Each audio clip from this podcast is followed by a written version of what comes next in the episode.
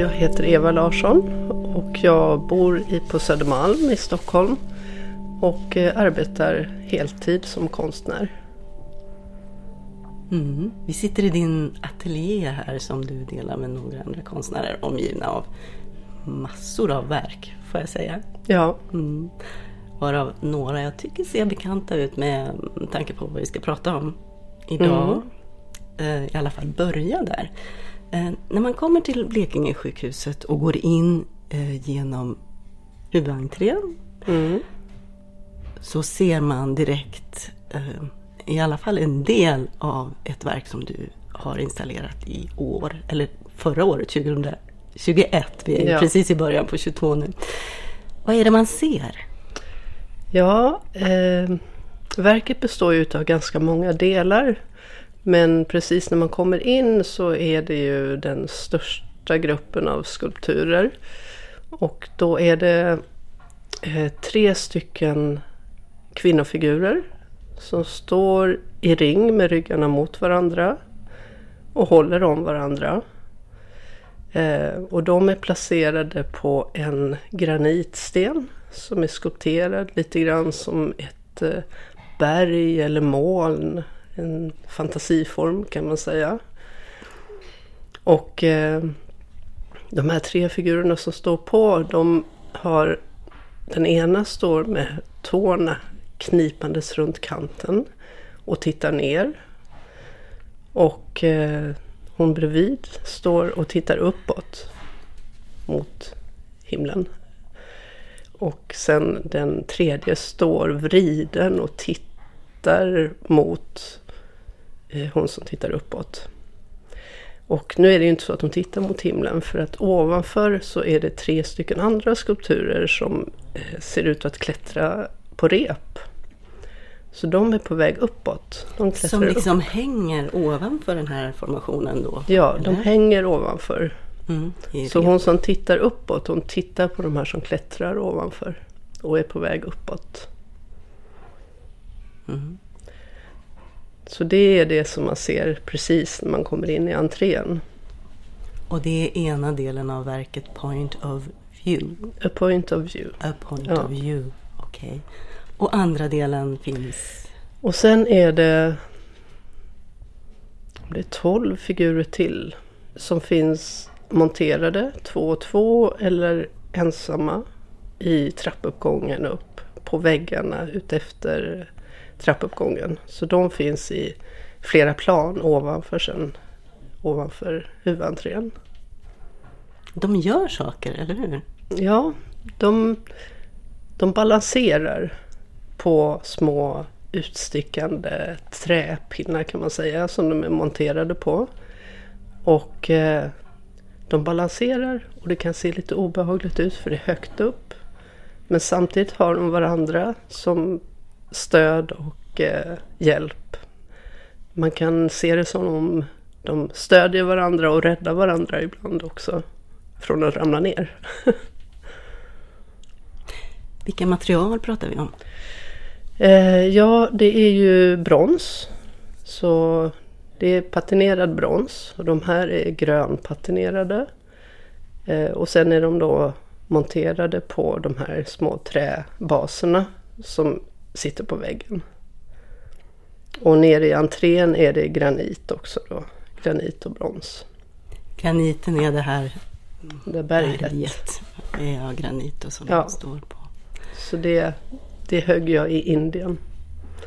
Så jag var fem veckor i Indien och, och högg det där. Mitt i vintern.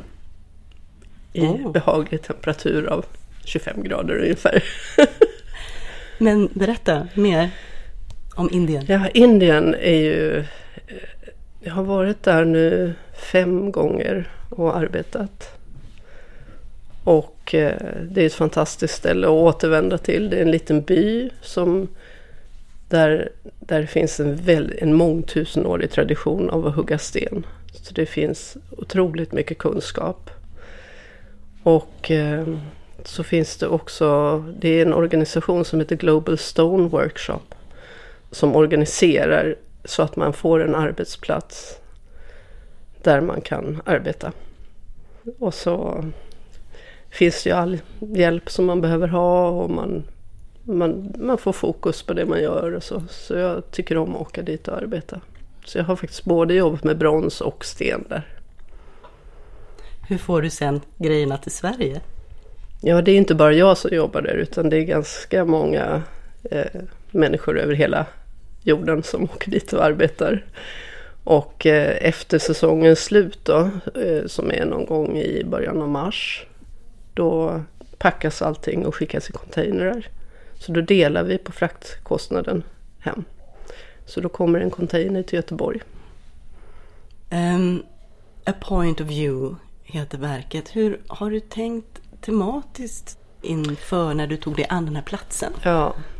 Eh, jag tycker om att arbeta med de här mänskliga figurerna för det, att, att arbeta med kroppsspråk är ju så direkt. Det är någonting som alla kan tolka och det behövs ju bara de här små, små nyanserna för att det, stämningen och känslan ska förändras. Och just när jag eh, funderade på vad jag skulle göra i den här entrén så tänkte jag ju mycket på människor som kommer dit. Och människor som arbetar där. Och många är ju i en ganska utsatt situation. Eh, det är bröstcentrum ligger där till exempel. Eh, så jag tänker att vi alla befinner oss på olika, olika ställen i livet. En del har det svårt och behöver stöd och uppmuntran och tröst kanske. Men andra, andra befinner sig på något annat ställe. Och då tänker jag att de här eh, figurerna som står på den här stenen, de har lite olika eh, utgångsläge kan man säga. Men finner ändå tröst i varandra och stöd i varandra. Och det är ju så man hoppas att det ska vara i livet och på sjukhus. Mm. Så jag hoppas att de ska ge hopp och, och, och tröst och mod åt de som passerar. Oberoende av vilken situation man befinner sig i faktiskt. Det gäller väl även de här som är uppe i trappan. För de jag har sett, flera utav dem ser ut att hålla varandra eller någon som kanske är på väg att hoppa till och med och någon står beredd att ta emot. Och mm. den, den sortens handlingar. Mm. Nej men alla har väl det gemensamt att det, det handlar om mod och att ha stöd i sin omgivning. Och hur viktigt det är för oss alla mycket av de arbetena jag gör har det gemensamt. Och sen så tycker jag också om att eh, det här är ju kvinnofigurer och alla ser ungefär likadana ut. De har samma kläder, samma frisyr, de ser ungefär likadana ut, likadana ansikten. Så det är egentligen bara det här kroppsspråket som gör att de skiljer sig åt. Men jag tycker om det där att man visar kvinnofigurer som subjekt och inte objekt. Utan de får vara i sig själva, de får vara starka, de får vara aktiva och handlingskraftiga. Men också att man visar den här lite sköra och lite hjälpsamma sidan. Mm. Så jag har jobbat mycket med de här figurerna på olika sätt. Ja, vi ser ju också här i ateljén figurer av många olika slag, men många utav den typen som du just beskrev. Och eh, de har ju samma frisyr allihopa. Och så har de någon sorts kläder som ser ut som shorts eller så. De går halva låret ner och sen så ser det ut lite som ett linne. De är väldigt antydda men det är det man kan se. Mm. Och så mm. framförallt frisyren då som är en sån här stor hårbulle i nacken. Och det jag associerar till är ju ballett. Mm. Dansös. Jag tror att jag, när jag började göra de här figurerna så hade de olika frisyrer och olika kläder. Och, men jag kände att jag vill ha dem mer som symboler för människor. Och då ville jag, eftersom kroppsspråket är så viktigt för mig, eh, jag berättar så mycket genom kroppsspråket, så vill jag att kropparna ska synas så mycket som möjligt. Och det var därför som både kläder och frisyr blev som de blev. Eh, och jag tycker att det, det finns någonting fint i det att de får vara bara som symboler för människor. Eh, det behöver egentligen inte vara kvinnor utan det är bara som en symbol för människan. Men jag valde då alltså att göra dem kvinnliga för jag tycker att det har funnits så mycket eh, symboler som är män. Så, mm. så jag tycker att det finns en vits i det att de är kvinnor. Mm. Men den här associationen till dans, det, det är bara en tillfällighet? Eller jag menar, det är inte så du har tänkt? Eller? Nej, det, det är det inte. Men ibland när jag tittar på modern dans så kan jag känna att det, är lite, att det har lite släktskap. Att jag känner mig lite som en stillbildskoreograf. att jag gör mina egna scener fast de är fix, de är inte rörliga utan de är, de är frusna ögonblick. Men sen tror jag också när jag gör de här så jag har jag ju inga modeller eller så utan jag gör egentligen bara situationer som jag själv har varit i någon gång tror jag. Ja, kanske inte de flygande då. jag, har gjort eh, flygande kvinnor också.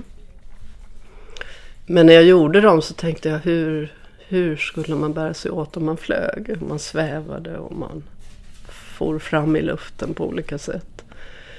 Och då tänkte jag att det måste ju vara ungefär som när man simmar.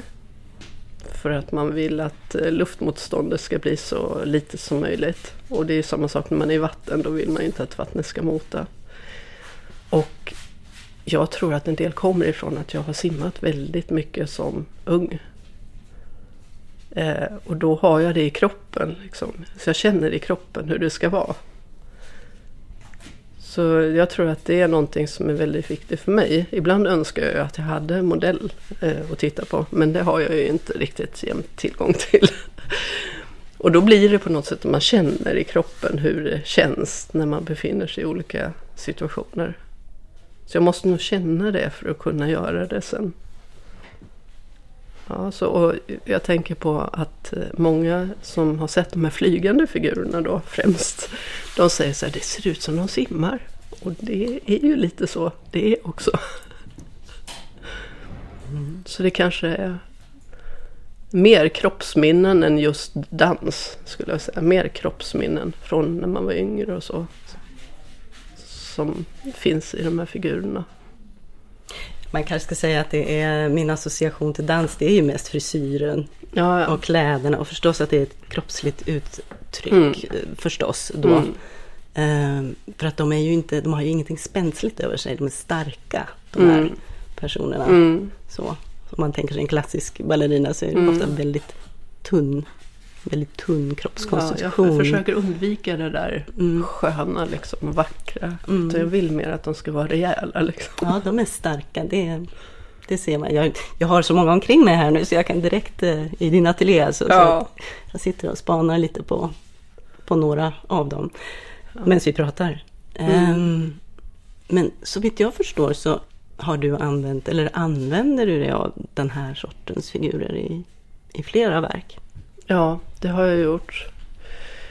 Det började väl med att jag gjorde de här, att jag hade ganska väldigt mycket utställningar. Och jag kände att jag ville berätta någonting. Eh, och då kom de här, alltså det var ju ganska länge sedan när jag började med de här. För då hade jag mer egentligen ett tema som jag ville arbeta med. Och jag tänkte hur ska jag eh, kunna förmedla det här temat på bästa sätt. Så jag, jag var på gång att göra mer abstrakta skulpturer. Och, för på den tiden var det ju inte speciellt eh, in, eller man ska säga, att göra figurativ konst. Det var ju inte det som gällde. Och det kände jag ju, det här är ju... Så jag försökte göra abstrakt, någonting abstrakt som skulle som jag skulle kunna visa på den här utställningen för att få det här temat, eh, kunna berätta om det här temat. Men eh, hur jag än gjorde så blev det föreställande. Och till slut gav jag upp. Så tänkte jag så här, nej, det blev fler och fler utav de här föreställande. Lite mer abstrakta men föreställande. Och de hamnade på en hylla. Så tänkte jag, nej, jag provar en till. Och så blev det en till.